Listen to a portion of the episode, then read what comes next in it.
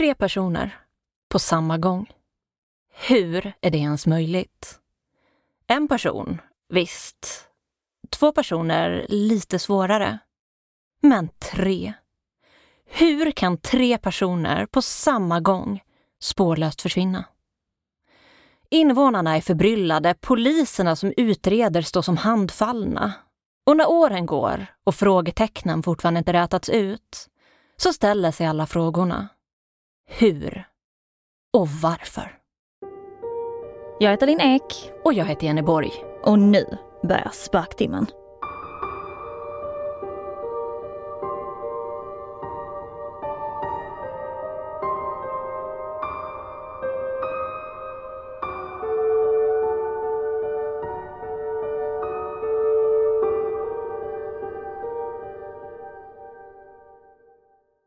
Oj, oj, oj. Alltså vilket otroligt märkligt, intressant, frustrerande avsnitt det här kommer att bli. Ja, nej men verkligen.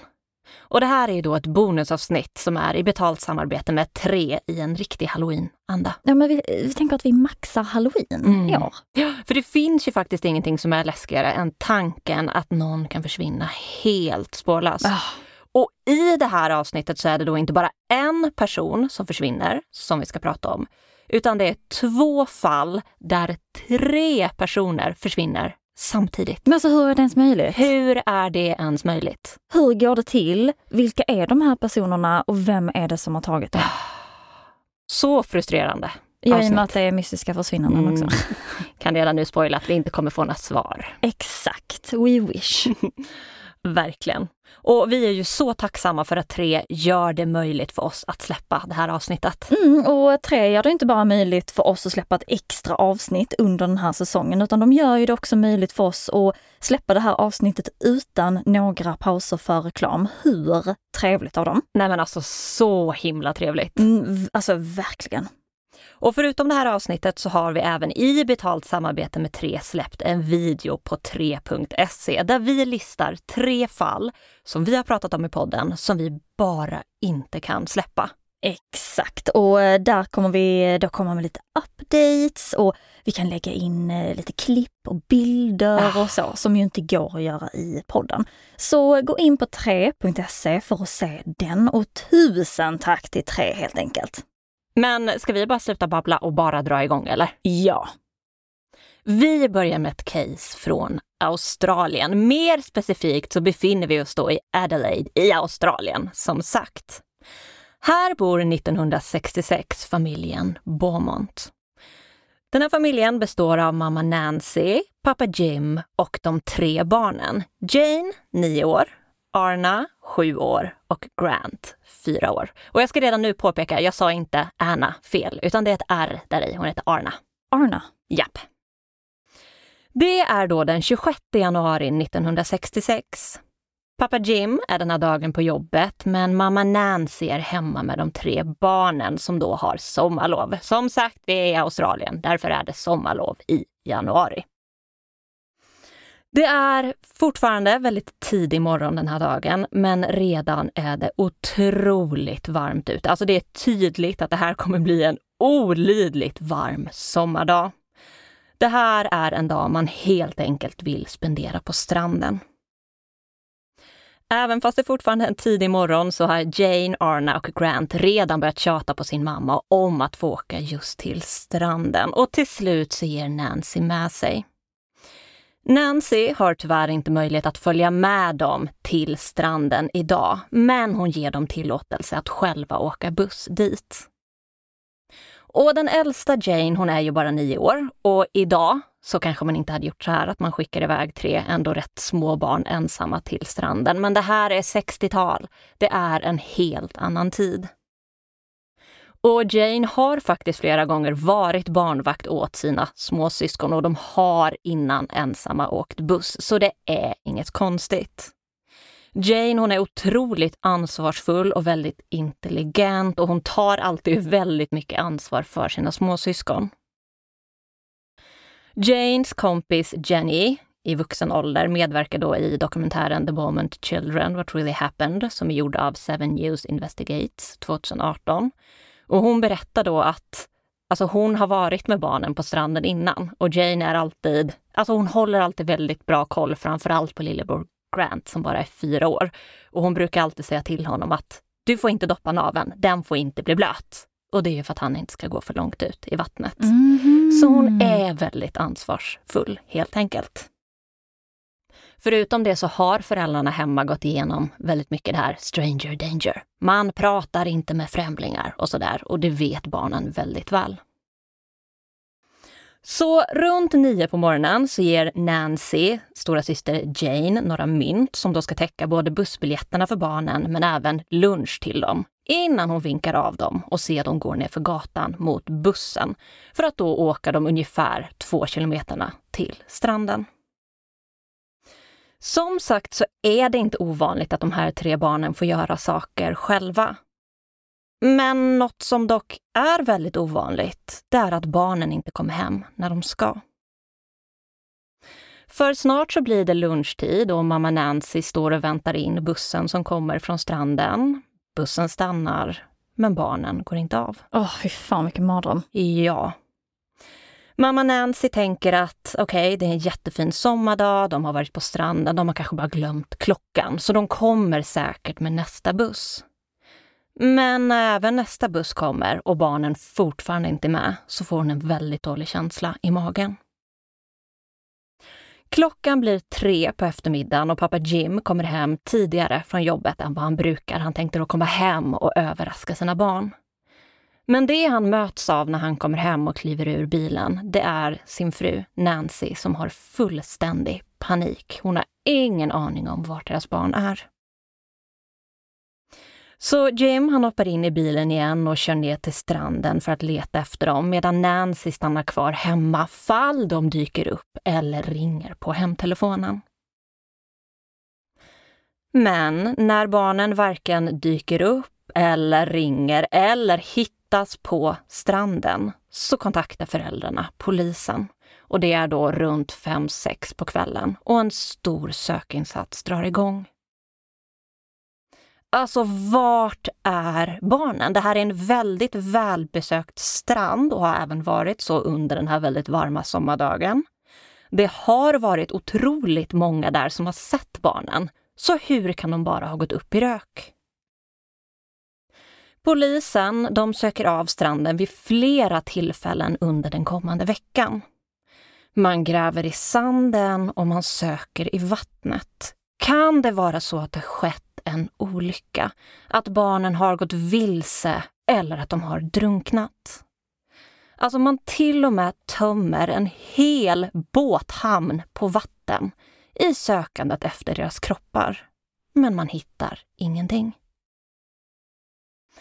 Samtidigt så känns det ju lite underligt att tre barn skulle kunna drunkna samtidigt.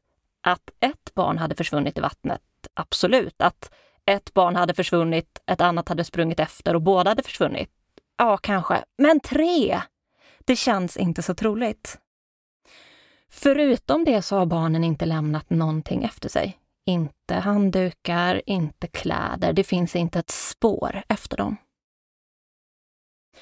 Samtidigt som man letar på stranden och i vattnet efter barnen så övervakar man även flygplats, tågstation och vägar ut ur det här samhället ifall det är så att någon har kidnappat dem. Massa tips kommer in till polisen hela tiden. Det är folk som har sett barnen den här dagen, såklart. Det var igen väldigt mycket människor på stranden. Men inget spår leder någonstans. Och snart så blir fallet kallt.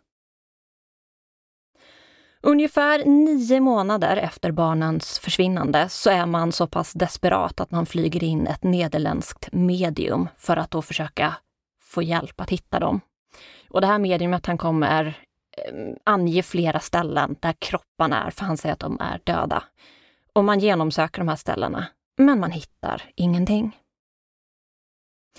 Och vid det här laget så har ju polisen insett att det här är mest troligt inte någon olycka, utan förmodligen så är det någon som har tagit barnen. För efter barnens försvinnande så pratar givetvis polisen med andra som har varit på stranden den här dagen. Och det är framförallt tre vittnesmål som är extra intressanta.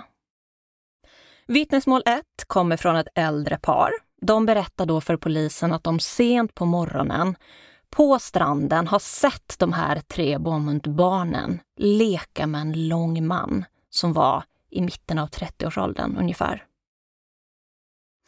Som jag sa innan, barnen har fått lära sig att man pratar inte med främlingar. De är också väldigt blyga, så de skulle inte prata med någon främling. Men det här äldre paret vittnar om att barnen känns väldigt avslappnade med den här mannen. Det ser snarare ut som en pappa som leker med sina barn.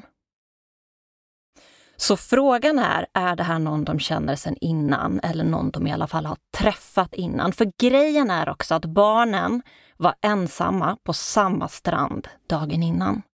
Så kanske träffade de mannen redan då. Det här äldre paret kan se hur mannen hjälper barnen att klä på sig sina kläder och de kan också se hur barnen sätter sig och väntar medan mannen går för att byta om från badkläder. Det äldre paret berättar också för polisen att den här mannen går runt och frågar om någon har sett barnens tillhörigheter. Det verkar som att barnen har blivit av med allt. Framförallt så är det en vit väska som stora syster Jane hade med sig, som mynten ligger i. Och den är nu borta. Så den här mannen som leker med dem går runt mm. och frågar folk om de har sett barnens saker? Ja, och barnen verkar också leta efter dem.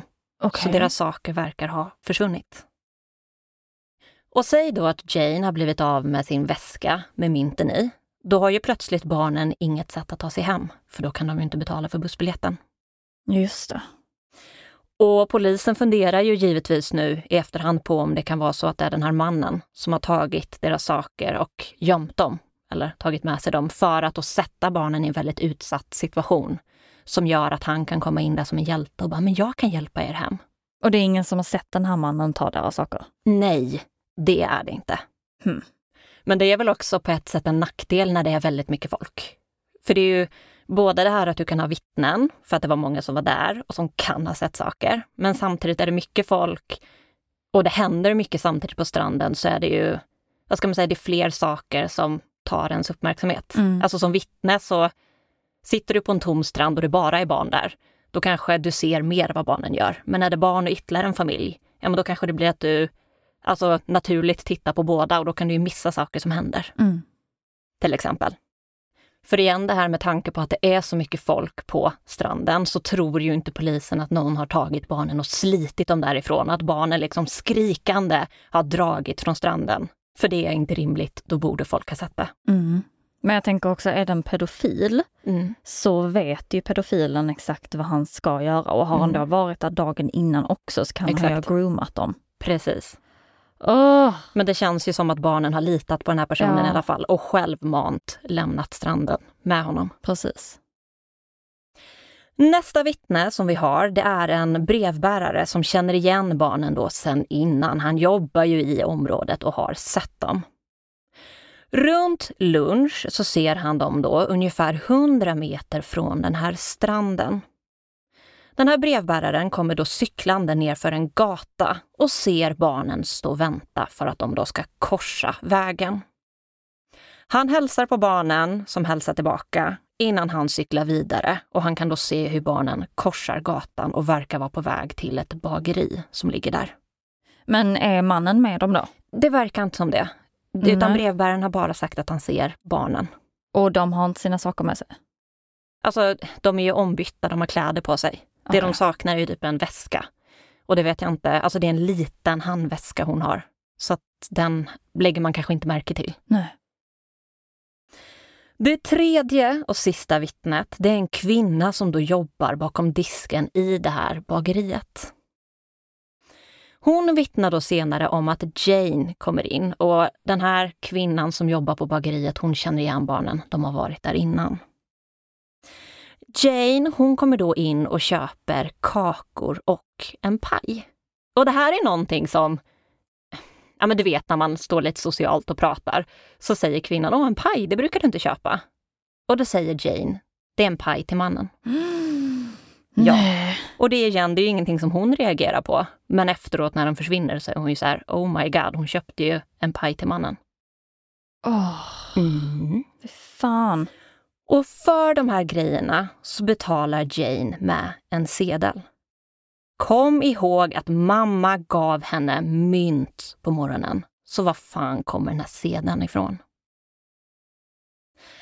Efter det här så tycks barnen helt gå upp i rök. Och så här nästan 60 år senare så vet vi fortfarande inte vad som hände med Jane, Arna och Grant Beaumont.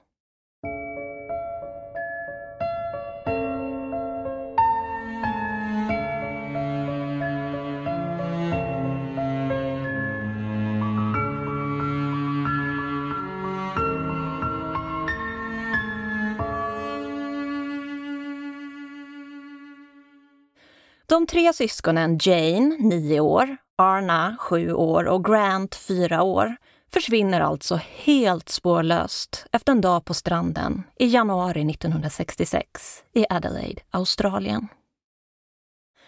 Polisen är idag och blir väldigt tidigt under den här utredningens gång helt övertygade om att någon har kidnappat dem. Frågan är ju bara vem och varför. Det finns vissa teorier om att barnen har blivit kidnappade och lever än idag. Antingen då att de hålls som alltså offren som vi har pratat om i kidnappningsavsnitten eller att de alltså har vuxit upp under helt andra identiteter i någon annan stad. 1968, alltså två år efter försvinnandet, så får deras föräldrar faktiskt två stycken brev som då, alltså i breven så står det att de är skrivna av Jane. Och i de här breven så står det att de bor med en man. Och det här får ju då polisen först att tro att okej, okay, det är den här mannen har dem. Men där och då så blir det här spåret kallt och polisen lyckas inte gå vidare med det. Men 24 år senare så lyckas man faktiskt spåra vem det var som skrev de här breven. Och de är då skrivna av en man som när polisen hittar honom är 41 år gammal. När han var 17 år så skrev han de här breven till föräldrarna på skämt. Nej. För han tyckte att det var kul. Ja men fy fan. Ja, verkligen. Och de blir utsatta för väldigt mycket sådana skämt från folk som ringer och säger att de har dem eller sådär. Vilket ju är fruktansvärt för de här föräldrarna som har förlorat alla sina tre barn. Ja, fy fan vad empatilösa Ja. människor som gör så. Men hur kan man tycka att det är ett kul skämt? Vet Vad är det för inte. fel på ändå? Jag saknar empati. Ja, verkligen. Så idag som sagt så vet vi ju inte om barnen lever, men tyvärr så är det ju mest troligt att de inte gör det, utan att de har blivit mördade. Och under årens gång så misstänker polisen flera olika pedofiler och barnamördare. Men ingen av de här misstankarna har ju lett till ett gripande eller åtal. Men jag tänkte att jag ska nämna de tre misstänkta som jag tycker är mest intressanta. Och vi ska då börja med en man som heter Bevan Spencer von Einem. Han dömdes då 1984 för ett mord på en 15-årig kille, men han är en misstänkt seriemördare. Och man misstänker då att han har dödat flera i Adelaide, alltså det här området, då, på 70-talet och början av 80-talet. Och anledningen då till att man har kopplat Bevan till det här försvinnandet 1966, det är en film som finns. För att när polisen är vid stranden efter försvinnandet så mm, alltså de kollar i vattnet, de dyker, som sagt de tömmer en hel båthamn på vatten. De är väldigt mycket där och givetvis så är nyheterna där och filmar och rapporterar. Och det dyker ju också upp folk från allmänheten som vill se hur det går, som då ställer sig och tittar till exempel när polisen dyker. Och i just den här filmen då så är det jag tror att det är någon nyhetskanal som har varit där och filmat och då filmar de ut över åskådare som står och tittar på. Och bland de här åskådarna så finns det då en man som är sjukt lik Bävern. Och som vi vet så finns det ju vissa, ofta väldigt grova brottslingar som vill vara en del av utredningen, som tycker att det är kul att se hur det går för polisen. Så frågan är om Bevan kan vara en av dem. Mm, det är ju väldigt vanligt. Mm, verkligen. Tyvärr så har man aldrig kunnat bekräfta att det är han på den här filmen dock. Men det är likt, som sagt. Bevan ska faktiskt även ha erkänt till en vän att han har tagit de tre syskonen. Han har då sagt att han har tagit med dem hem, att han har torterat dem och experimenterat på dem. Och efter det att ett av syskonen dog så bestämde han sig för att döda alla och dumpade dem sen i en skog. Mm. Han har även erkänt att han har tagit två andra tjejer som försvann spårlöst från en fotbollsmatch i Adelaide sju år efter det att syskonen Beaumont försvann. Och han är lik fantombilderna från båda de här försvinnandena. Men problemet är att han var för ung. Alltså när Beaumont-barnen försvann, då beskrev ju vittnen den okända mannen som att han var i typ 30-årsåldern. Men Bevan var bara 19 år när de försvann. Och det är inte ofta man tar fel på en 19-åring och en man i 30-årsåldern. Nej. Det hinner hända rätt mycket med utseendet där. Mm. Och Bevan har väl även beskrivits som en psykopat som ljuger för att få uppmärksamhet. Just. Så som sagt, vi vet inte om han har gjort det. Men på tal om det här försvinnandet sju år senare, det här alltså 1973, så är det här ett fall som ibland då kopplas ihop med syskonens försvinnande. Det är inte det enda fallet, vill jag nämna, som är ihopkopplat med syskonens försvinnande. Men det är likt, alltså på vissa sätt. Eh, jag ska gå igenom det lite fort. Det var då i augusti 1973 då 11-åriga Joanne Ratcliffe och 4-åriga Kirsty Gordon försvann spårlöst efter att de hade gått på toa tillsammans under en fotbollsmatch. Vittnen berättar senare att de har sett barnen tillsammans med en oidentifierad man. Och det är det här som gör Beaumont-barnen och det här försvinnandet så likt. Just att det är någon som har tagit dem bland massa människor. Det är väldigt, väldigt ovanligt att nej men, brottslingar vågar göra det. Mm. För fatta alla vittnen som ser den. Och vad händer om barnen gör motstånd och ställer till någon scen? Det är väldigt, väldigt kaxigt och väldigt, väldigt ovanligt att ta så här helt i det öppna. Mm. Han måste ha gjort det innan. Precis. Väldigt, väldigt, väldigt kaxigt. Så finns det ju då fantombilder från båda de här fallen och de fantombilderna liknar varandra väldigt mycket. Så det finns då teorier om att det är samma man som tog barnen som tog de här två 1973 då, att det är en pedofil som dödade dem. Och det finns faktiskt även här då en man som är misstänksamt lik båda de här fantombilderna. Och det här är då misstänkt nummer två som jag kommer ta upp. Det här är Arthur Stanley Brown. Han döms 1998 efter det att han har kidnappat, våldtagit och mördat en femåring och en sjuåring. Och det gjorde han då 1970, så det här är två andra barn alltså. Och han har blivit misstänkt för många andra fall. När han då döms 1998 för att ha mördat de här två barnen 1970 så är det ett vittne som kommer fram som var på den här fotbollsmatchen 1973 när den här 11-åringen och 4-åringen försvann. Det här vittnet identifierar då honom som den som tog Joanne och Kirsty. Mhm. Ja. Okej. Okay. Problemet är bara att när han döms 1998 så är han gammal och dement. Och han dör sen fyra år senare, 2002, och kan inte svara på några frågor. Huh. Men som sagt igen, Beaumont, barnens förövare är otroligt lik han som tog barnen från fotbollsmatchen. Och är det då Arthur så kanske det är han som tog båda. Mm. Men vi kommer ju aldrig få svar på det, tyvärr. Den sista misstänkta jag ska ta upp, det är en person som har dykt upp på senare år efter sin död. Det här är då en miljonär och fabriksägare som bor i området som heter Harry Phipps. Och det är då faktiskt Harrys egna son, eh, äldsta av två söner, som pekar ut honom som skyldig. Den här sonen påstår då att hans pappa våldtog honom som barn och att han såg pappa tillsammans med tre stycken barn som liknar Beaumont-barnen vid deras hus samma dag som syskonen försvann.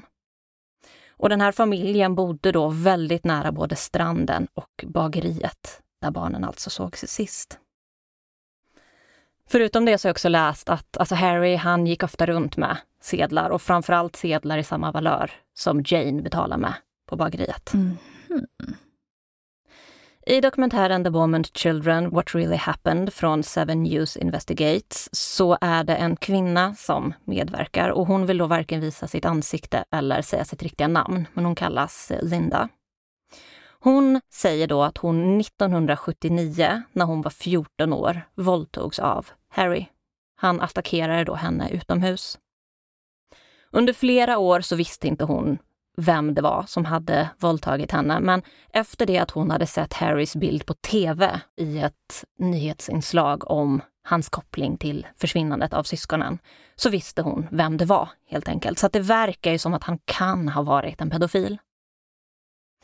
Dock så vill jag säga att Harrys yngsta son påstår att, alltså han säger min storebror ljuger. Han säger att hans storebror eh, lider av psykisk ohälsa och att han har väldiga problem med droger. Så han är inte trovärdig. Det finns även andra släktingar som har sagt att den äldsta sonen inte är trovärdig. Och lillebror påstår då att deras pappa aldrig våldtog dem. Samtidigt vill jag flika in så kan ju också pappa gett sig på enbart storebror utan att lillebror vet om det. Mm. Det finns en bok vid namn The Satin Man från 2007 som då utpekar Harry som mördaren. Och en av författarna till den här boken, vid namn Stuart Mullins, han påstår att han har besökt Harrys hus efter det att Harry gått bort. Och att han var där för att träffa Harrys änka. Stuart påstår då att han nere i källaren såg en vit handväska som var sjukt lik den Jane hade dagen hon försvann. När han påpekade det för frun så sa hon bara nej, nej, nej, nej, jag köpte den där förra veckan. Men Stuart säger att den stod väldigt konstigt liksom nere i källaren. Det såg ut som att den hade stått där ett bra tag. Polisen ska även senare åkt dit för att undersöka den här väskan, men då hade frun gjort sig av med den. Hmm. Mm. Okay.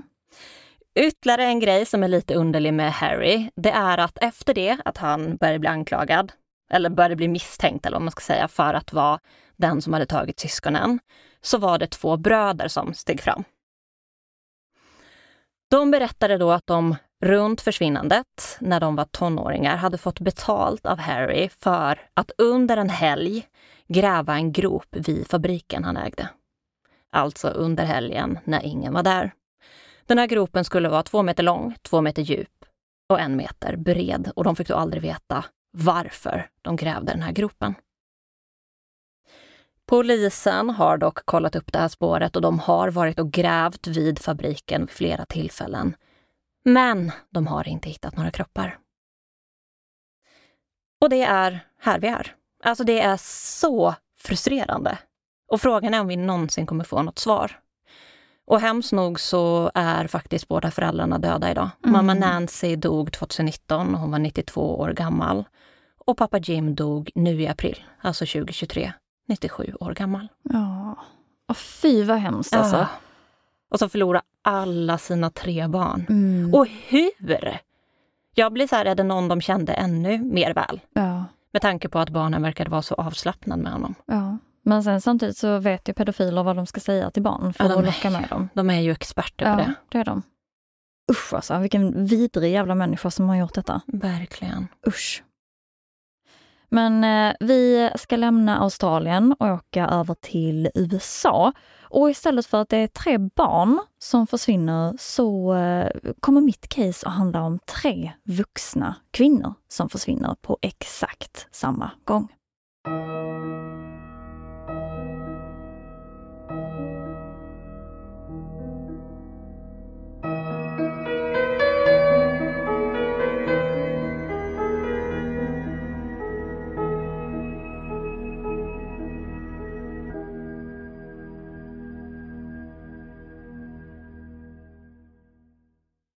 Vi tar oss tillbaka till 80-talet och landar i Springfield, delstaten Missouris tredje största stad. Det här är en eh, livfull stad omgiven av eh, vacker natur och höga berg. Och här växer Stacey McCall upp med sin familj. Stacy är en eh, bubblig och snäll person men kallas på skoj av sin familj för Spacey Stacy för att men hon kan vara lite loj ibland och inte fatta skämt typ direkt. Så då är de så här, åh det är typiskt dig Spacey Stacy. Typ. Och när Stacy går i tvåan så börjar Susanne Streeter, eller Susie som hon kallas, i Stacys klass. De blir kompisar direkt och hänger ihop väldigt, väldigt mycket. Susie är ett år äldre än Stacy för att Susie har fått eh, gå om en klass av lite eh, med olika anledningar. Men eh, Susie har då flyttat till Springfield tillsammans med mamma Cheryl Levitt, storebror Bart och styvpappan Don. Susie är en eh, utåtriktad och rolig tjej och hon vill gärna bli frisör som hennes mamma Cheryl. Men så flyttar de iväg några år. Det är eh, men, lite problem i relationen mellan mamma Cheryl och styvpappan Don. Han ska ha en massa kreditskulder och sånt och bara försvinner en dag. Så det är lite eh, oroligt där fram och tillbaka i några år. Men Susie och hennes mamma Cheryl flyttar tillbaka till Springfield bara några år senare. Men då har eh, barndomskompisen Stacy fått andra kompisar som man ju kan få såklart. Man växer ju på olika håll. Och Susie och Stacy dras till olika kompisgäng. Stacy hänger mer med de roliga och Susie med de mer populära. Och hon eh, dejtar även en riktig bad boy och de har med ett lite turbulent förhållande. Det är lite av och på hela tiden. Men de har ett klister som håller dem tillsammans och det är den gemensamma kompisen Janelle. Så trots att de hänger i olika klickar så har de i alla fall en gemensam kompis och de här tre brukar spendera väldigt mycket tid tillsammans. Så blir det 1992 och i början av året så tar det slut mellan Susie, som nu är 19, och hennes pojkvän Dustin Reckla. Det här eh, var ju som jag sa innan en turbulent relation, de bråkar mycket och enligt många källor så har det varit en ganska våldsam relation också. Och han är lite men, kriminell, minst sagt. Och sista droppen för Susie ska enligt vänner och familj vara här i början av 1992. För Dustin och eh, några kompisar till honom, de åker fast när de plundrar en grav. Eller de har plundrat en grav. Och eh, de eh, ska då ha stulit guldtänder från ett lik. Men Uwe. Ja, och det tycker Susie också och gör slut med honom. Och många vänner ska ha berättat att Susie var ganska rädd för Dustin efter detta och att han ska ha hotat henne i telefon och så. En kort tid efter detta så flyttar Susie och eh, den då 47-åriga mamman Cheryl till ett nytt hus. Det här är Cheryls drömhus. Det här är ett eh, vitt, lite gulligt hus som ligger på East Delmar Street i Springfield. Och huset ligger i ett lugnt och tryggt område. Och storebror Bart har då flyttat hemifrån. Som du märker så är det många S-namn. Mm. Så det är Susie, Stacy, Cheryl. Det blir mycket liksom. Mm, verkligen. Jag ska, försöka, ja, jag ska försöka mitt bästa och liksom så här, hålla dem separat. I alla fall så går det några månader och både Susie och Stacy de tar examen från Kickapoo High School lördagen den 6 juni 1992. 18-åriga Stacy McCall är ju så lycklig. Nu börjar livet. Så efter examen så åker hon och äter middag på en restaurang med sin familj och eh, hon åker sen hem för att byta om. Susie och hennes mamma, de eh, de har käkat lite pizza och så byter hon om för kvällen för att Susie, Stacy och den gemensamma kompisen Janelle, de ska iväg på olika fester för att fira att de har gått ut skolan. Efter detta ska de åka i ungefär 45 minuter söderut och de ska då ta in på ett boende och gå på vattenlandet Whitewater i Branson. Men innan det så ska de ju då gå på massa fester och bara ha kul. Men eh, så ringer Stacy till sin mamma när klockan är ungefär halv elva på kvällen och berättar att eh, ja, ändrade planer. De ska inte åka till Branson på kvällen för de har så otroligt roligt på de här festerna. Så de väntar tills eh, ja, nästa morgon helt enkelt och åka iväg. Så istället för att då men, ta in på ett boende i Branson så ska de sova över hos den gemensamma kompisen Janelle. Och det här tycker ju Stacys mamma är så skönt. Alltså hon andas ut, hon kan ta det lite lugnt. Det här är ju en lättnad. För det är ju inte så kul för henne att säga okej, okay, min dotter ska sitta i en bil, det är mörkt, det är mitt i natten och det är lördag kväll. Så hon är så här, okej, okay, bra, bra beslut. Samtidigt så är Susies mamma Cheryl hemma och hon pysslar i huset lite och pratar med en väninna på telefon och säger att hon ska ja, tapetsera och greja med några möbler och sånt. Och hon och Susie har haft kontakt eh, tidigare. Cheryl är också en sån mamma som gärna vill att Susie ska komma in till henne när hon kommer hem, oavsett vilken tid det är. Så hon är ganska lugn. Liksom. Hon vet att hennes dotter kommer säga till när hon kommer hem. Och en bit bort då så är ju Stacy, Susie och den gemensamma kompisen Janelle på olika fester. De festar hela kvällen och när klockan har passerat midnatt och lördagen den 6 juni blir söndagen den 7 så eh, tillkallas polisen under småtimmarna till den här sista festen som de är på. För några grannar har klagat på den höga ljudnivån som ju lätt eh, kan, kan ske när man har tagit eh, examen eller studenten och så. Och nu är det ju slutfestat runt klockan två på natten. De tre vännerna åker hem till Janelle som bor ungefär tio minuter bort och de ska ju då sova över där. Men problemet är att Janelle har en massa släktingar som har kommit in för att de ska ju fira att Janelle har tagit examen. Så hela huset är proppfullt och det finns inte riktigt plats för Susie och Stacy att sova. Gud vad irriterad jag hade blivit. Visste hon inte det innan? Ja, det känner de också. Så ja. de blir lite så här, vad fan. Så Susie frågar då Stacy om hon vill komma över till henne för att hon har en ny Eh, alltså king size vattensäng. Som hon är så här, alltså den är jätteskön, vi kan sova där. Så de tar ett snabbt beslut att de åker hem till Susie istället. Och sen så ska de ju då, ja men de bestämmer att ja, men vi synkar ihop under morgonen. Och så åker vi till det här vattenlandet med några andra kompisar och så bara har vi så kul. Så eh, vid klockan kvart över två så hör då Janelle att Susie säger till Stacy att eh, följ efter mig i din bil så åker vi hem till mig. Stacy säger okej okay, och sen så ser då Janelle sina båda vänner försvinna ut för att köra dem ungefär 15 minuterna bort. Och nu när de lämnar så gör de det för allra sista gången.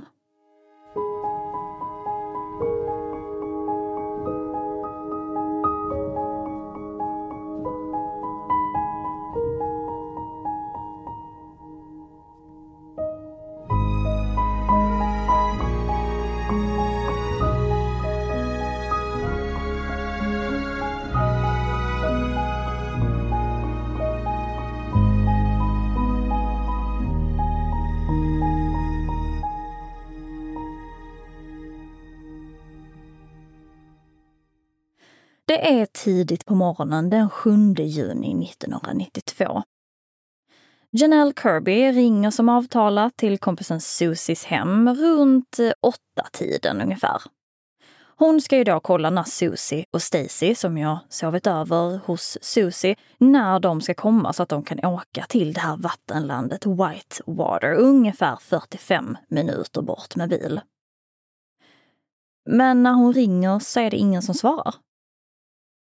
Så efter att Janelle har ringt och ringt och ringt så åker hon över med sin kille till det här huset.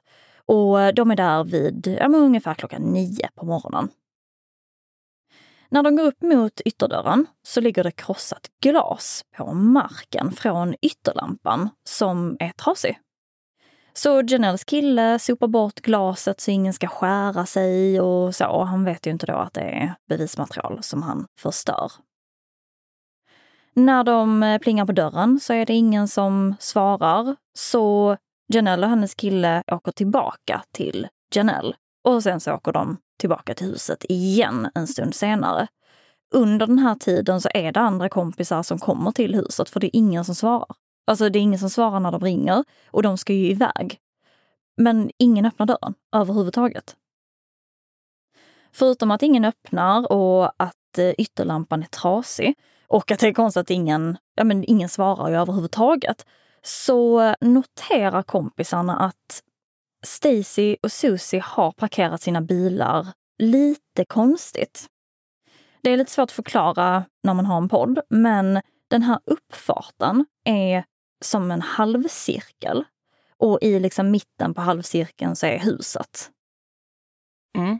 Så det är liksom en böjd uppfart kan man säga. I ena änden så finns det en carport, alltså en sån som man bara kör in i och eh, ja, ställer, ställer bilen under. Och där brukar alltid Susie ställa sin bil. De har liksom ett speciellt sätt att göra när de parkerar bilarna och så. Men det har man ju. Varje, alltså har man mer än en bil så brukar det vara så att de har fasta parkeringar. Precis. För i vanliga fall så hade Susie ställt sig bakom sin mammas bil. Men nu står både Susies och Stacys bilar i halvcirkeln. Och här är det lite så här, är det någon som har stått i vägen? Har det stått en annan bil på platsen? Ah. Eller varför har de inte ställt sig på sina vanliga platser? Och det är bara någonting som kompisarna noterar att det är lite märkligt. Susies kompisar säger också att Susie är a creature of habit. Så hon gillar liksom när saker är på samma sätt hela tiden. Klockan är nu runt 12 på, eh, ja men mitt på dagen helt enkelt. Och av någon anledning så testar de först nu att öppna ytterdörren. Och dörren är olåst, så det är bara att gå rakt in. Trots att alla bilarna, alltså både Susie, Stacy och Cheryls bilar, står utanför huset så är ingen hemma förutom hunden Cinnamon som börjar skälla hysteriskt när de kommer. TVn är på, men det är Myrornas krig. Och du som är lite yngre fattar kanske ingenting. Men det är liksom, eh, men, static. Det är Ja, det bara flimrar. flimrar liksom. Och det är för att det är någon som har kollat på en VHS-film. Men när VHS-filmerna tog slut så blev det ju ingenting. Så det är liksom ingen kanal som är på. Och gud vad jag känner mig gammal nu när jag försöker förklara detta. Oh my god. Förutom det så hittar man i, som en hög, både Susie, Stacy och eh, Susies mamma Cheryls väskor med alla saker i. Så bilnycklarna är kvar. Pengarna är kvar. Cheryl har 900 dollar i sin väska, vilket Mm. också är så här, borde inte någon ha tagit de pengarna kan man ju tänka sig. Och de har andra småsaker som Cheryls cigg och tändare. Och hennes kompisar och familj säger att alltså Cheryl, hon, hon hade inte lämnat huset utan sina cigg. Hon var liksom kedjerökare. Det var liksom det var det som var hennes prio, typ. Alltså att ha cigg på sig hela tiden. Så det här är någonting som man reagerar på. Och det är nu någon gång när de är i huset som telefonen ringer. En av eh, vännerna plockar upp telefonen och man hör då en mansröst som säger väldigt obehagliga saker. Och vi vet inte exakt vad det är han säger, men det är alltså eh, sexuell underton. Alltså det är typ sexuella trakasserier. Okej. Så de slänger ju på luren såklart och då ringer det igen och det är samma man. Så man lägger på och det ringer igen om man låter då telefonsvararen ta det. Och det är samma man som lämnar ett meddelande med samma typ av innehåll. Men man vet inte vem han är, varför han ringer, ingenting. Alla viftar ju bort detta som att det är ett skämt. Alltså det är men någon som har prankat och det var ju någonting som man gjorde väldigt ofta för innan man hade liksom nummerpresentatör och, och så. Då var det ju många som man ringde bara för att driva med folk egentligen. Och i och med att man inte tror att det här har någon större vikt så kommer det här meddelandet senare att raderas. Ah. Du I know. skojar. Nej, och det går inte att återskapa det. Dessutom, så alltså under den här dagen så kommer det och går folk hela tiden. Alltså ingen tror att det är någonting konstigt som har hänt. De är väl bara ute någonstans. Konstigt att då gå in och ut i deras hus.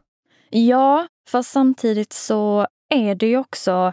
Alltså Susie har ju tagit examen, så det är släktingar och vänner som kommer dit för att de, ja, men de ska ju fira henne. Liksom. Och då möts de ju av det här tomma hemmet och tänker att nej men fan vi passar på att fixa till lite här, alltså innan de kommer hem, för de är väl iväg någonstans. Så de ställer sig och diskar och plockar i ordning och fixar till och med några persienner som är lite konstigt böjda, som att det är någon som har dragit ner persiennen för att titta ut. Åh nej. Mm. Och under dagen så har Stacys mamma försökt få tag på sin dotter hela dagen. Och hon lämnar också meddelanden på den här telefonsvararen och när hon har lämnat det tredje så börjar hon bli så här, alltså nu börjar jag få panik. Så hon åker till eh, Susie och Cheryls hus där ju Stacy borde vara och bilen är ju där. Men hennes dotter är ju inte där och klockan är nu runt halv sex på eh, ja, men eftermiddag kväll. Hon hittar ju då Stacys väska tillsammans med de andra väskorna och märker att Stacys medicin ligger kvar i väskan. Och det här är migränmedicin som Stacy måste ta varje dag. Hon hade inte lämnat utan den här medicinen. Så nu börjar hon bli ordentligt orolig.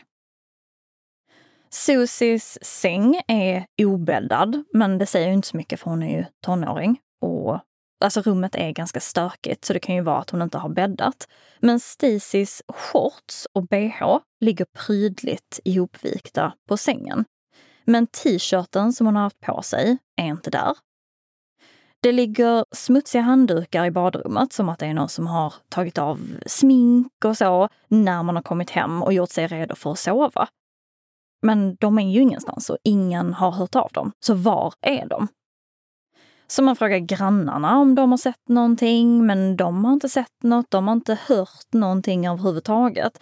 Och Stacys mamma får ju som sagt panik och hon är fortfarande ganska osäker på om det här är en nödsituation eller inte. Så hon ringer till motsvarande 114 14 bara för att få lite ja, men, råd, typ.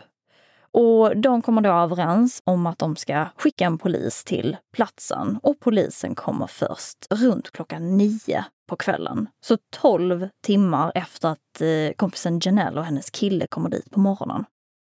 Ja, jag kan tänka mig att det inte finns särskilt mycket bevis kvar då med tanke på alla som har gått i det där huset och städat och fixat. Nej, alltså dels så finns det ju inga, alltså inga bevis så sett. Och på ett annat sätt så är det ju bevis överallt. För det är så mycket fingeravtryck Ah. överallt. Det är så mycket människor. Och alltså det är fotspår, det är liksom... Alltså det är så mycket samtidigt som det inte finns någonting. Och eh, man uppskattar att det är mellan 15 och 20 personer som har befunnit sig i huset under dagen.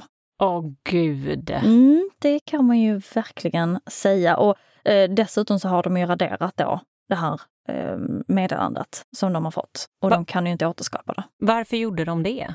För att det var så obehagligt. Säger Stacys mamma i eh, flera intervjuer som jag har sett med henne.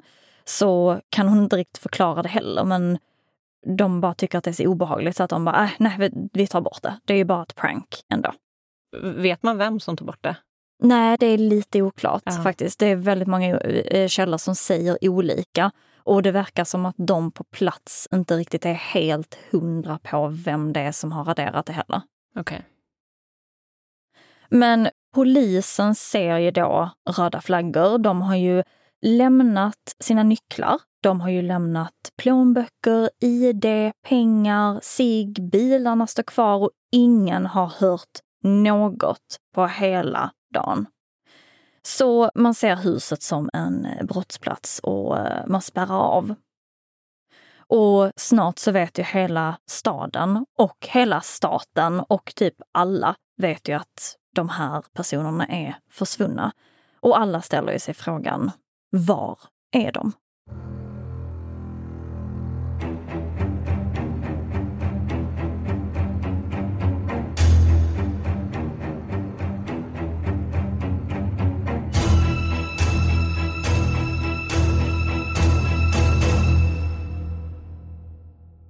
Jag tänker att vi eh, bara snabbt sammanfattar den här tidslinjen. Så tjejerna är ju på olika fester hela kvällen samtidigt då som eh, mamma Cheryl är hemma, vilket bekräftas av en väninna som hon pratar med i telefon under kvällen. Vid klockan två så lämnar Susie och Stacy den sista festen. De åker till Janelle och bestämmer sig för att dra till Stacy för att sova över. Och det tar ungefär 15 minuter att åka från Janelle till Susie. Så om man kollar på tidslinjen så borde de vara framme vid eh, ja, klockan halv tre. Här vet vi inte så mycket mer än att det är någon som under kvällen eller natten har kollat på film och Stacey har tagit av sina shorts och sin bh som hon har haft på sig. Och någon har ju tagit bort smink i badrummet. Ja, det låter väl väldigt rimligt om man ska sova över att man är så här, ah, men jag sover i t-shirten jag mm. på mig. Precis. Och de kan ju åka och hämta eh, ombyte och sånt sen. Ja. Så de har ju packat väldigt lätt. Men utöver det så finns det ju liksom inga tecken på våld. Det finns inget blod eller någonting. Inga grannar har hört skrik eller konstiga ljud. Det är ju mitt i natten. Så alltså, någonting måste ju ha hänt från halv tre fram till morgonen. Ja. När de första personerna kommer dit. Och frågan är ju var är de här tre kvinnorna? Hur har de försvunnit? Är det någon som de har känt som har knackat på och fått med dem ut? För som sagt, det är liksom inga tecken på strid, alltså inga möbler som, alltså det, det ser liksom inte konstigt ut överhuvudtaget. Eller är det någon som har hotat dem med vapen och gjort att de har gått ut? Var har de i så fall försvunnit? Ja, och är det någon som är där när de kommer hem? Om det nu den teorin stämmer, att det var någon som stod på hennes plats. Mm. På parkeringsplatsen alltså. Ja, och vem var det i så fall? Och då känns det inte som att de har reagerat på den personen direkt, för de har ändå, verkade som, gått upp och tagit bort sminket. Mm. Precis. Hmm. Mm. Och såklart så finns det ju hur många teorier som helst. Alltså det finns teorier om att det kan vara eh, storebror Bart som har gjort någonting för de har en liten, alltså lite spänd relation typ. Men jag har faktiskt inte tagit med honom i teorierna för att jag tycker inte att han är en relevant misstänkt. Nej. Eh, och sen finns det ju allt från så här, Space Aliens och allt möjligt. Men jag tänker att eh, jag ska ta upp de tre mest intressanta teorierna. Och vi börjar med en person som eh, vi har pratat om innan, nämligen Susies våldsamma ex Dustin. De har ju som sagt haft en eh, turbulent relation och han har ju hotat Susie tidigare. Kan han kanske ha sett henne under kvällen, blivit provocerad av att han har sett henne och blivit arg och följt efter henne och blivit våldsam? Det är ju en teori. Mm. Ska han ge igen för att hon har gjort slut med honom? Har det någonting med det här att eh, han har plundrat en grav bara några månader tidigare? Alltså har det någonting med det att göra? Enligt vissa källor så tror man att eh, Susie ska då eh, hon har ju vetat om den här gravplundringen och man tror då att hon kanske eventuellt skulle vittna mot honom under en rättegång. Och den här rättegången ska lägligt nog hållas inom bara några månader. Mm -hmm. mm. Så kan det vara att han kanske ska utpressa henne, men att det är något som har gått fel. Mm, vi vet inte. Enligt vissa källor så ska han dessutom ha sagt att eh, han har önskat att Susie skulle dö. Och han har inget tydligt alibi och han och hans kriminella kompisar ska ha varit typ i närheten den kvällen. Men det är också oklart vad man menar med i närheten. Ja. Om det är liksom inom en radie av liksom en timmes bilkörning eller ja, vad det nu är. Ja, och i och med att han bor i närheten, antar jag, mm. i och med att de liksom känner varandra så är det väl så är det ju väldigt otydligt när man säger så. Det är klart han finns i närheten om man typ bor där. Precis. Men eh, alltså annars så hittar man liksom ingenting annat som tyder på att det är han. Man hittar inga fingeravtryck i huset som matchar honom och så. Å andra sidan så har de ju typ städat hela huset. Så, ja. Äh. Och man har ju inte kunnat koppla honom eller hans vänner direkt till försvinnandet. Men polisen säger att de fortfarande är möjliga misstänkta. Och det här caset har eh, faktiskt inte blivit ett eh, cold case. Nähä. Utan ja, polisen är väldigt noga med att, alltså i alla intervjuer, och trycka på att det här är inget cold case, det här är ett öppet case. Ja. Fortfarande. När polisen utreder så blir de under utredningens gång tipsade om en man vid namn Robert Craig Cox. Det här är en dömd mördare som är i Springfield vid försvinnandet. Stacys mamma säger att hon eh, tror att Robert skulle kunna ha kidnappat och mördat då hennes dotter och Susie och eh, Cheryl. För Robert, han har jobbat på samma jobb som Stacys pappa. Kan Robert kanske ha sett Stacy när hon har hälsat på sin pappa på jobbet? Kanske har han stakat Stacy utan att hon har vetat om det och kanske följt efter dem hem? Han själv säger att han har eh, varit hemma och sovit och hans föräldrar, alltså han bor hemma hos sina föräldrar och föräldrarna ger honom alibi. Men de säger också att alltså de sov. Så de kan ju inte Mm. säga till 100 procent. Nej precis, då kan ju han ha smitit ut egentligen. Precis. Och det är mycket med honom som är lite skumt. Och han har sagt konstiga saker till polisen flera år senare, som att han Åh, jag vet att de är döda och eh, så, alltså, jag tänker inte snacka förrän min mamma har dött och så. Och Okej. många tror att han gör detta för att han bara vill ha uppmärksamhet. Men han har inte avskrivits helt av polisen som misstänkt. Sen så har vi tredje misstänkta, eller tredje teorin kan man säga. Och det här är att det är en helt okänd person som ingen av dem vet vem det är. En liten side-note som är ett vittnesmål som man inte riktigt kan... Man vet inte helt om detta har någonting med saken att göra eller inte, men jag känner att jag behöver nämna det. Det är att på morgonen, alltså den 7 juni, så är det en kvinna som runt klockan halv sju ska ha sett en stor van, en stor grön, ljusgrön bil. Alltså tänk en sån här klassisk kidnappningsbil typ. Och hon säger då att hon ska ha sett en ung kvinna som ska ha sett ut som Susie som ska ha kört den här bilen. Och hon ska då ha hört en man som ska ha ja, men, skrikit till henne att så här, "Åh, kör fort härifrån. Typ. Okej. Mm. Men det är lite svårt att verkligen så här pinpoint exakt vem det är eller ja. Och mer än det vet vi inte riktigt.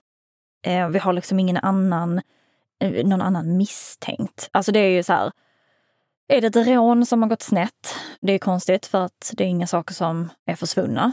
Är det någon som har kidnappat dem så är det också konstigt för att de är tre personer. Ja. Hur har de lyckats få med dem ut? Eh, handlar det om eh, ja, men, eh, att de eh, ska in i trafficking eller någonting och att de har kidnappats för det? Men det är ju ett lugnt och tryggt område. Det är också lite... Så här, och det finns väldigt många olika teorier, är det jag vill få sagt. Man har inte pratat något om styvpappan. Alltså man har ju pratat lite om honom för att han eh, verkar ha lite så här, inte kriminella kopplingar, men han har ändå lite pengaproblem. Så det är vissa som har teorier om honom, men han är inte misstänkt. Nej. Okej. Något annat som jag dock tycker är väldigt intressant är en eh, Eh, kort dokumentär som True Crime Daily har gjort. De pratar då med vänner och familj och utredare. Men den som, eh, som jag kände verkligen så här stack ut, det är en frilansande journalist vid namn Kathy Baird. Och hon bor i Springfield och hon har blivit som besatt av det här caset. Hon eh, undersöker det här och får tips om eh, att de tre kvinnorna är begravda under parkeringsplatsen vid ett sjukhus. Så man undersöker med radar som eh, går genom betong och de säger att de kan se någonting som ser ut som kroppar, men polisen har avfärdat detta för att de la liksom eh, betong, eller cement kanske man säger. Eh, de har lagt det året efter att de har försvunnit. Men då är det också så här, de kan ju fortfarande vara begravda där. Ja. För att det är någon som vet att det kommer fyllas med eh, betong. Mm. Det som är ännu mer intressant är dock att eh, när då Kathy får frågan om hon vet vad det är som har hänt med Susie, Stacy och Cheryl så säger hon att hon tror sig veta exakt vad det är som har hänt och att de mördades innan det blev morgon, så under natten. I huset då, tänker hon, eller? Eh, ja, oklart. Mm. Hon säger liksom inte så mycket mer, för sen så får hon eh, frågor som eh, ja, men vem var det tilltänkta offret? Och Mm. svarar då att ja, det var inte Stacy. Alltså hon är väldigt så här, väldigt eh, vag i sina svar. Så inte Stacy, alltså antingen Susie eller hennes mamma Cheryl. Men när hon får frågan varför så blir hon livrädd och säger att hon kommer mördas om hon berättar. Va? Hon säger att hon har blivit hotad tidigare och eh, att hon inte vågar outa vem det är. Oh my god. Hon säger att det finns något väldigt mörkt som gömmer sig i det här caset och säger citat, det finns en anledning till varför det här fallet inte har blivit löst. Och hon säger också att den som har hotat henne har sagt att eh, jag och mina kontakter kan få sådana som du att också försvinna. Hmm. Mm. Och det är egentligen så långt som vi har kommit. Ah, Mm. vad frustrerande. Ja. Och som sagt, polisen har fortfarande inte... De kallar detta fortfarande inte som ett kallt case. Nej. Trots att det har gått över 30 år. Och de har fått in tusentals tips, de har tiotusentals dokument. Och alla som har jobbat med det här caset, de kan liksom inte släppa det. De tänker på det ofta och de känner en stor frustration att det fortfarande är olöst. Och det är många som tror, många poliser som säger i intervjuer att jag är säker på att den som ligger bakom det, den eller de som ligger bakom detta, att vi redan har pratat med den eller de personerna. Ja. ja, det är ett väldigt svårt case med tanke på att det är tre som försvinner. Ja, samtidigt. Och mamman lever ju ett liv och har Mm. ju alltså kontakter och kompisar och vänner, alltså ett helt eget socialt liv. De här två flickorna som du säger, de är inte jättenära kompisar så de har ju helt olika sociala liv. Mm. Så det är ju jättesvårt när man inte vet vem är motivet. Vem ska man ens titta på? Det? Precis. Shit vad svårt alltså. Ja. Så frustrerande. Och de som städade. ja. Hur kan man inte reagera direkt när man kommer hem dit är upplåst och ingen är där? Mm. Hur kan det första man tänker vara att ah, nej, men vi städar lite här? Ja, sen så är det också svårt för att idag så hade man ju varit men vad fan, den plockar inte upp telefonen, alltså plockar inte Mm. upp mobilen. Så man kan ju inte heller, alltså de, de får ju inte heller tag på dem för de har ju inga mobiler. Nej. Och då är de så här, nej men fan då sitter vi och väntar då, så är det ingen som kommer. Och så nej men då åker vi väl hem då, och så kommer de tillbaka och så är det fortfarande ingen som har kommit. Och bara, men är det någon som har hört något? Nej, vi har inte hört något, men de är säkert iväg och käkar eller Mm. jag kanske åkt iväg och shoppat eller någonting. Men bara, alla bilarna är ju kvar. Vilken Ja, bil skulle de då ha använt? Och alla väskorna är ju där och så. Jag förstår inte hur ingen kan ha reagerat tidigare. Nej. Men det är väl säkert någon som har sagt nej men gud, det är så typiskt dem att göra så här. Och kanske lugnar de andra. Mm. Vad tänker polisen om det här samtalet då? Eller samtalen från den här mannen? Alltså det är ju av intresse, Ja. är det ju. Men i och med att de inte kan, alltså de kan ju inte återskapa dem och de kan inte spåra var det kommer ifrån. Och ja, så det är också lite så här, ja vi kan inte göra så mycket med det. Samtidigt är det mördaren eller en av mördarna som ringer. Så vet ju den personen att de tre är ju inte hemma, för Mm. de är döda. Mm. Och då måste ju den personen i så fall veta att det är någon annan i huset. Och då borde ju mördaren eller mördarna ha sett att det kommer dit andra. Mm. Eller så har det här samtalet inte med någonting att göra och det är någon som ringer som inte vet att de är saknade. Mm. För det är ju väldigt oklart om mördaren skulle ringa. Alltså förstår du vad jag menar? Om ingen hade varit hemma och mördaren hade vetat om att alltså jag har ju tagit de tre. Varför skulle man då ringa? det är typ, det är typ dit alla, alla kommer också. Att det är så här, make no sense. Nej. Jag, alltså jag blir så frustrerad av det här caset. För att jag, eh, jag, jag, och jag vet faktiskt inte, alltså, har det här samtalet någonting med saken att göra eller är det någon som bara skojar? Och, ja, och i och med att vi inte vet vad personen säger heller, är det hot? Ja. Eller är det liksom eh, åh, snopp, snopp, snopp. Alltså Mm. det kan ju också vara något sånt att de bara, nej men gud, nej, åh, vad fruktansvärt. Så. så det vet vi inte heller, eller om det är så här riktiga hot. Därför det finns ju mördare som älskar att reta offrens familjer Mm. sen. Men då borde ju den personen snarare ringt till Stacys mamma. Ja. För att hon är ju hemma. Precis, och hon är ju jätteorolig. Ja. Ah, Och mördaren vet ju då också att nej, Stacy var ju också där. Ja, exakt. Men eh, de flesta tror ju att det var antingen Susie eller Cheryl som var eh, ja, tilltänkta offer. Och att Stacy tyvärr bara av en slump råkade dras med. Undrar om mördaren visste att Susie inte skulle vara hemma. För det var inte tänkt att hon skulle komma hem. Nej, Det var inte precis. tänkt att hon och Stacy skulle komma dit. Nej. Så undrar om mördaren visste det och skulle ge sig på Cheryl. Mm. Och sen bara dök flickorna upp. Det kanske är någon galen stalker i och med att Cheryl är också väldigt, eh, alltså, eh, inte välkänd i den här stan, men ändå. Alltså hon, hon är en väldigt, väldigt fin person som hjälper folk och alltså, ja, men hjälper dem med pengar om de inte har eh, råd att betala för sina klippningar så eh, ja, men kan de skriva en check. Eh, alltså hon hjälper folk liksom väldigt mycket och ställer alltid upp. Och Ja. ställer upp för sina vänner och, och så. Ehm, och hon träffar ju väldigt mycket folk i och med att hon jobbar på en salong. Så är det någon som har bara blivit helt besatt av henne. Ja, eller någon som hon brukar låna pengar till, som hon nu har sagt nej till. Ja, Och sen vill den ha och sen går det fel. Mm. Ja, vi, vi vet faktiskt inte. Men så konstigt att det inte är något tecken på strid. Mm. Och igen, i och för sig svårt att veta om de har varit och städat. Mm. Precis. Tänk om det är en stol som står snett på grund av att någon har blivit slagen. Men sen är den stolen flyttad på. Mm. Alltså det är så här, som polis, var ska man ens börja? Och kanske är någon som har sett en konstig fläck och bara oj vilken konstig marmeladfläck Mm. och tar bort det. Och så är det egentligen blod. Ja. Det är så mycket folk som är där. Ja. Ja, fy fan vad frustrerande. Mm. Och sen det här med persiennerna också. Mm. Att det ser ut som att det är någon som har dragit ner persiennen, som att man liksom kikar ut. Är det någon som har hållit span då? För att se om det är någon som kommer? Ja. Och är det då i så fall den som attackerat eller är det typ Cheryl Mm. som har känt sig förföljd?